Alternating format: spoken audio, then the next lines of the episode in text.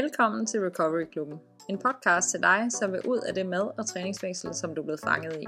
Mit navn er Panjan. Til daglig arbejder jeg som recovery coach, og i denne podcast vil jeg tage emner op, som jeg oplever fylder for de fleste på deres recovery-rejse. Velkommen til. Sidste uge, der tog jeg lige en uh, selvomsorgsuge med podcasten. Jeg var lige lidt ramt af sygdom og hovedpine, og det påvirker bare altid mit humør og overskud, så jeg gør de her ekstra ting, som podcast og være på sociale medier. Men øh, jeg tænker, at den bedste måde, jeg kan være en god rollemodel, er, at jeg praktiserer lidt det her med at ære min krop og lytte til mine behov. Og mit hoved havde lige brug for lidt ekstra ro i sidste uge. Anyway, lad os komme i gang med dagens episode. Og det handler om to ting, du meget muligt gør lige nu, som er med til at forværre dit forhold til din krop, og få dig længere væk fra dit ønske om kropsro. Og det er nemlig konstant kropstjek eller konsekvent kropsundgåelse. Og det er meget muligt, at du faktisk gør det, som de fleste gør, at du vækster mellem de to. Så hvorfor at kropstjek og kropsundgåelse kan være med til at fastholde dig i et usundt forhold til din krop, og hvordan du kan arbejde med at mindske den her slags adfærd. Det vil være noget af det, jeg dykker ned i i den her episode af Recovery Club. Måske så tænker du, at kropstjek det primært handler om det her med at veje sig selv, eller bruge målebånd, eller at du skal stå foran et spejl meget lang tid og grænske hver en centimeter af dig, og måske er det ikke lige noget, du gør, så du tænker, det er ikke lige noget, jeg kan genkende. Men det er meget muligt, at der er kommet lidt mere subtile ting ind, som er blevet en vane, som du ikke er helt bevidst om, og alligevel har det en negativ effekt på dit kropsbillede.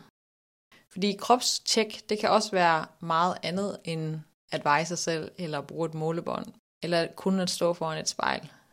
Det kan også være, når du føler det her behov for at forsikre dig, om du har taget på, og du lige spørger din partner, eller dine venner, eller din familie, om de synes, din krop har forandret sig. Eller sådan lige konstaterer, at jeg har jo taget på, med sådan et håb om, at de måske modsiger dig. Det kan være en form for mere subtil kropstjek. Det kan også være, når du sidder på sociale medier, eller sidder og ser fjernsyn, eller når du er sammen med andre mennesker, at du konstant sammenligner din krop med dem. Eller at du gemmer på gammelt tøj fra dengang du havde en mindre krop, i håb om, at det kan motivere dig til at tabe dig. Det kan også være det, at man gentagende lægger en hånd på sin mave, øh, sin lår, eller mærker sin hofteskål, eller sin arm, eller sin kravben, for at mærke, om der er sket nogle forandringer. Det kan også være, at du faktisk ikke kropssikker særlig meget, men du stik modsat prøver at undgå din krop for alt i verden. Det kan være det her sådan lidt klassiske, at man går i meget stort, løst tøj, eller har noget tøj på, der skjuler bestemte områder af din krop, som du ikke kan lide, eller at du konsekvent undgår spejle eller reflekterende overflader, at du helst ikke vil have nogen til at billeder af dig, eller at du undgår at tage i svømmehal, eller på stranden, eller er klædt om foran andre. Det kan også være, at du undgår fysisk kontakt med andre. Specifikke måder at sidde på, altid lige har brug for at have en pude foran dig, eller et tæppe over dig. Det kan være sådan lidt mere subtil øh, undgåelsesadfærd. Og alt efter, hvor meget man gør det, og hvorfor man gør det, så kan det være noget, der er med til at forværre dit forhold til din krop. Så før jeg lige forklarer, hvordan det hænger sammen, så tænker jeg lige at hoppe tilbage til noget af det, jeg også snakkede om i episode 4. Der snakkede jeg om to ting, der gør sig gældende i dit forhold til din krop. Det ene er det, som de fleste har fokus på. Det er, hvorvidt du er tilfreds eller utilfreds med, hvordan din krop ser ud. Altså om du kan lide, hvordan din krop ser ud eller ej. Men hvis du så ikke kan lide den, så forsøger du typisk at øh, forandre den, i håb om, at du får det bedre med dig selv, når du bedre kan lide det, du ser i spejlet. Og som jeg sagde sidste, i sidste episode, så kan det godt virke, men det er en meget sårbar strategi. Både fordi der er meget, som der er uden for din kontrol i forhold til, hvordan du ser ud. Det kan være på grund af genetik og din historik og dine omstændigheder. Men også fordi det er uundgåeligt, at din krop på et tidspunkt vil forandre sig. Altså i løbet af et helt liv. Noget, der også rigtig tit sker, det er, at de fleste oplever, at der skal ret meget til, for at de kan vedligeholde den krop eller det udseende, som de er tilfreds med, eller at den der grænse hele tiden flytter sig. Og problemet er, at det kan have en meget stor effekt på din selvopfattelse og dit selvværd. Og i værste tilfælde, så kan det blive en meget høj pris, du betaler for at forsøge at bibeholde den krop. Og det får os videre til det, som i virkeligheden har den største effekt på dit forhold til kroppen. Nemlig, hvor stor en betydning og værdi du tillægger din krops udseende. Det vil sige, hvor vigtigt er det blevet for dig, din opfattelse af dig selv og dit værd, at se ud på en bestemt måde. Og det var også noget, det jeg refererede til i episode 4, at et positivt kropsbillede ikke er bundet til en bestemt kropsstørrelse eller ideal, men det viser sig mere på, hvordan du behandler din krop, uanset hvordan den ser ud. Og at du tillægger det mindre betydning i forhold til, hvordan du vurderer dit værd som menneske.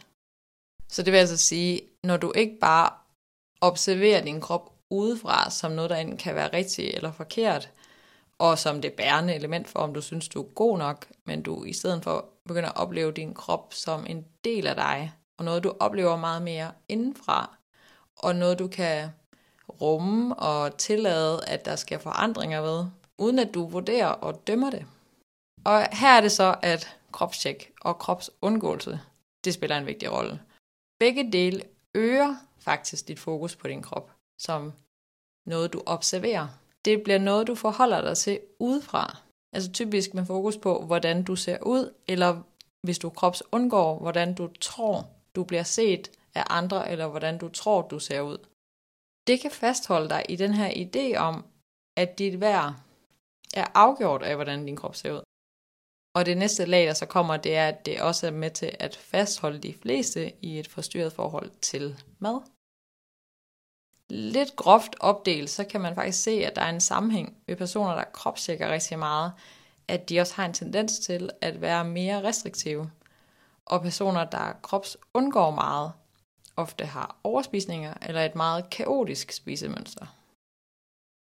Jeg ser det her samme mønster ved flere af mine klienter, og jeg havde også selv øh, den adfærd, det kan jeg tydeligt genkende nu. Desto mere restriktiv jeg var, desto mere fixerede jeg på, hvordan min krop så ud. Og desto mere kropstjekkede jeg på alle mulige forskellige måder og blev endnu mere restriktiv. Hvis jeg så, eller når jeg så havde øh, overspisninger, og måske også havde kompenseret for det på en eller anden måde, så mærkede jeg typisk øh, en masse ubehag i min krop, og følte, at jeg havde taget på. Og så begyndte jeg at undgå mit spejl, spejlbillede, og aflyse mine aftaler med andre mennesker, fordi jeg var sikker på, at alle kunne se, at jeg havde taget på, og alle kunne se, hvad der var foregået. Og det, der så typisk skete, var, at så overspiste jeg endnu mere, fordi nu havde jeg alligevel aflyst mine aftaler, og jeg følte mig ulækker, og jeg følte mig utilpas, og sådan fortsatte det bare. Pointen er, at begge slags adfærd holder mange fast i en meget ond cirkel.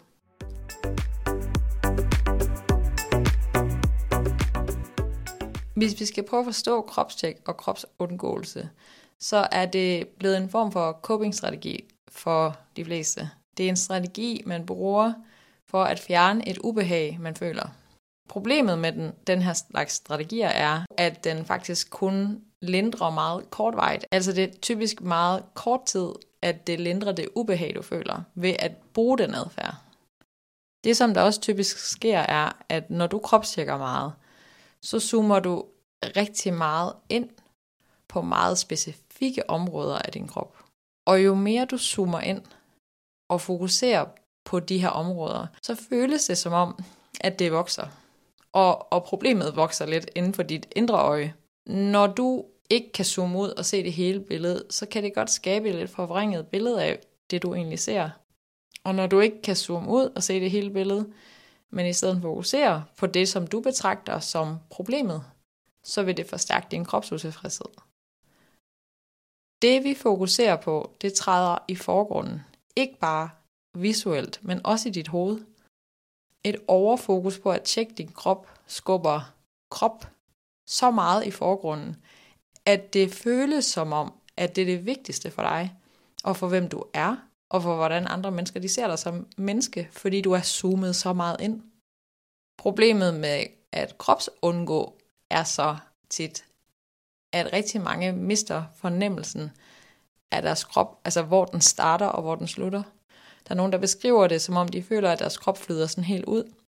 Når du krops undgår meget, så får din hjerne lov til at skabe en hel masse historier om, hvordan du højst sandsynligt ser ud. Og det er meget sjældent nogle positive historier. Vores hjerne har tendens til at finde worst case scenario og øh, de værste ting. Så vi tænker, hvad andre må tænke om os. Vi tænker om, hvad det er, hvordan vores krop vil se ud. Og vi får ikke rigtig mulighed for at realitetstjekke det, fordi vi undgår vores krop. Og det skaber et meget forvrænget mentalt billede af din krop. Selvom du undgår den, så skubber du den stadig i forgrunden i dit sind, og gør det stadig til det vigtigste ved dig. Når vi kigger på den her begge slags adfærd, så kan det være et problem, hvis det er din eneste coping-strategi, når du føler ubehag, fordi det øger dit fokus på, hvordan din krop ser ud, og vigtigheden af det for dig og dit værd. Og det har ofte en direkte indvirkning på dit forhold og din adfærd omkring mad.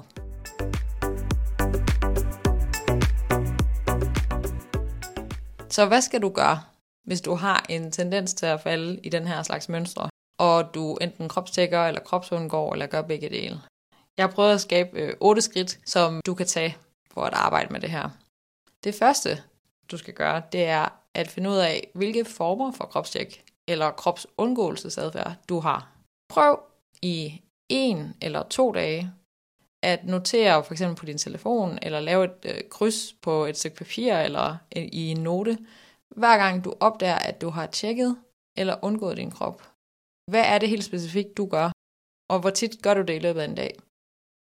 Det næste, du så skal gøre, det er at spørge dig selv, i hvilke situationer har du særlig tendens til at have den her slags adfærd? Så det, som typisk er, det er, at der er noget, noget der trigger den her form for adfærd.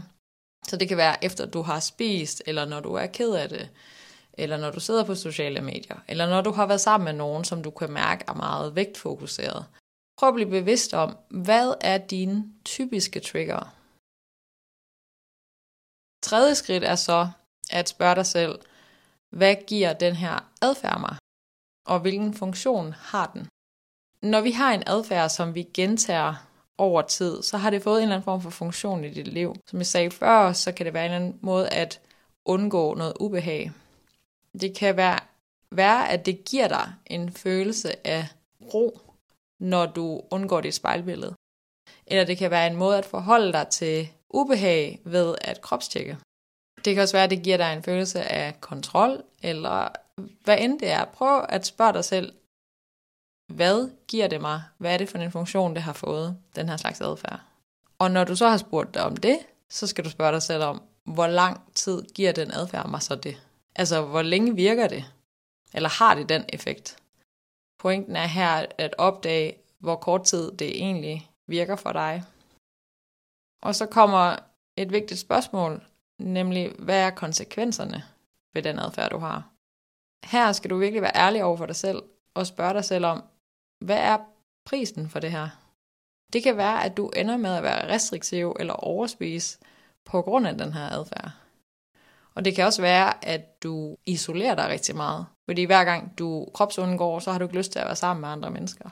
Det kan også være, at du om sommeren ikke kommer på stranden og kan være sammen med dine venner, fordi du ikke har lyst til at være i de situationer. Spørg dig selv, hvad er konsekvenserne?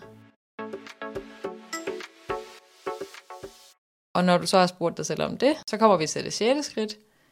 Hvordan stemmer det overens med det forhold, jeg ønsker at have til min krop, og det liv, jeg ønsker at have? Så hvordan hænger det sammen med det forhold, du ønsker at have til din krop, eller hvordan hænger det sammen med din, dine tanker om, hvad kropsro egentlig er? At have den her slags adfærd. Giver det dig mere fokus på det, der er vigtigt for dig, eller fjerner det fokus fra det, der er vigtigt for dig? Og så kommer vi til at gå fra at stille dig selv en masse spørgsmål, til det næste, det er at beslutte dig for, hvilken adfærd vil du starte med at konfrontere dig selv med, og i hvilke situationer. Så helt tilbage i starten, så skulle du spørge dig selv, hvornår gør jeg det, og hvor ofte gør jeg det. Og hvis du for eksempel har en særlig tendens til at kropstjekke ekstra meget, når du er nede og træne, fordi der er spejle, eller hvis du undgår helt at forholde dig til din krop, når du for eksempel er i bad. Vælg en slags adfærd i en specifik situation, som der tit viser sig for dig. som du gerne vil prøve at arbejde med at reducere eller mindske. Og læg mærke til, at jeg siger ikke her, at du fuldstændig skal undgå den adfærd, eller undgå de trigger. Men du kan have et mål om, at du gerne vil reducere det. For eksempel med 50%. Det kan være, hvis du opdager, at du kropstjekker hver eneste gang, at du står foran et spejl, at du bare gerne vil gøre det halvdelen af tiden. Og så kommer et vigtigt spørgsmål, du skal stille dig selv, når du har besluttet dig for, hvad det er for en adfærd, du gerne vil starte med at konfrontere dig selv med. Hvad har du i virkeligheden brug for i den situation? Og hvad er det, du gerne vil gøre i stedet for? Så dit svar fra øh, punkt 3, som var, hvad er det, den her adfærd giver dig, det giver dig et svar på, hvad du i virkeligheden har brug for. Som rigtig ofte, så kan det være, jeg har brug for omsorg, jeg har brug for ro, jeg har brug for at forholde mig til et eller andet ubehag, eller en konkret situation. Og jeg, jeg laver den her øvelse med flere af mine klienter, og nogle gange, så øh, er svaret, at jeg har i virkeligheden brug for et kram. Jeg har brug for at føle mig set. Jeg har brug for at give mig selv omsorg. Og det er så det, der bliver svaret på, hvad er det, jeg gerne vil i stedet for. Så en konkret handling kunne være, at når man har lyst til at kropstjekke i den her situation, så vil man gerne bede om et kram, eller give sig selv et kram. Eller så vil man gerne sidde med en varmepude ved maven og finde ro, eller sidde med et puslespil øh, og ikke skulle interagere med nogen. En af mine klienter, hun hængte et billede op af sig selv, fra dengang hun var en lille pige, op på en spejl. Så det var en påmindelse om, at hun gerne ville være venlig mod sig selv. Og det var lidt nemmere, når hun så sig selv som, jeg tror hun var 8 år. En ting, som de fleste af mine klienter også finder ud af, at de gerne vil gøre, det er at få skiftet ud i deres garderobe. Så deres tøj passer den krop, de har nu, og at det stadig er komfortabelt for dem at have det på. Så ud med alt det der gamle tøj og skinny jeans og håbet om, at du på et eller andet tidspunkt skal se ud på den måde igen. Pak det væk. Det hjælper dig ikke at have det i forgrunden konstant, fordi det skaber en følelse af utilstrækkelighed for de fleste. Og det kan lyde overraskende, at vi har brug for at få det her at vide, men du skal gå i tøj, der passer dig. Der er ingen, der er komfortable, hvis de går rundt i for stramt tøj, som minder dem om, at de engang har været mindre. Pointen med det her sidste punkt, det er, at du er nødt til at beslutte en konkret adfærd, du vil inkorporere her. Altså noget, du vil gøre. For du kan ikke bare ikke gøre noget. Du kan ikke bare sige, jeg vil bare stoppe med at kropstjekke, eller jeg vil stoppe med at kropsundgå. Det kan din hjerne ikke finde ud af. Du bliver nødt til at finde ud af, når du så står i den situation, hvad er det, du gerne vil gøre i stedet for. Det giver dig sådan lidt at arbejde med. Det her det er et sted at starte, og der er rigtig mange ting, man kan gøre, når man taler om kropsro og kropsarbejde. Men at begynde at forholde dig til kropstjek og kropsundgåelse, det har ofte en større effekt, end de fleste de tror. Det er også noget meget konkret, så det er noget, de fleste de kan prøve at forsøge sig lidt på i små skridt, på egen hånd, og det er sådan lidt det, der er målet med den her podcast, det er at give jer noget, som I kan bruge her og nu. Så fortæl mig endelig, om der er noget, du er blevet bevidst om, at du gør. Og del meget gerne, hvis du vælger at udfordre noget adfærd. Og fortæl mig, hvad du gerne vil gøre i stedet for. Og hvis du kan lide den her episode og gerne vil støtte podcasten, så husk, at du kan give den en kort bedømmelse og skrive lidt om, øh, hvad du kan lide ved podcasten i din podcast-app. Pas på dig selv, indtil vi lyttes ved.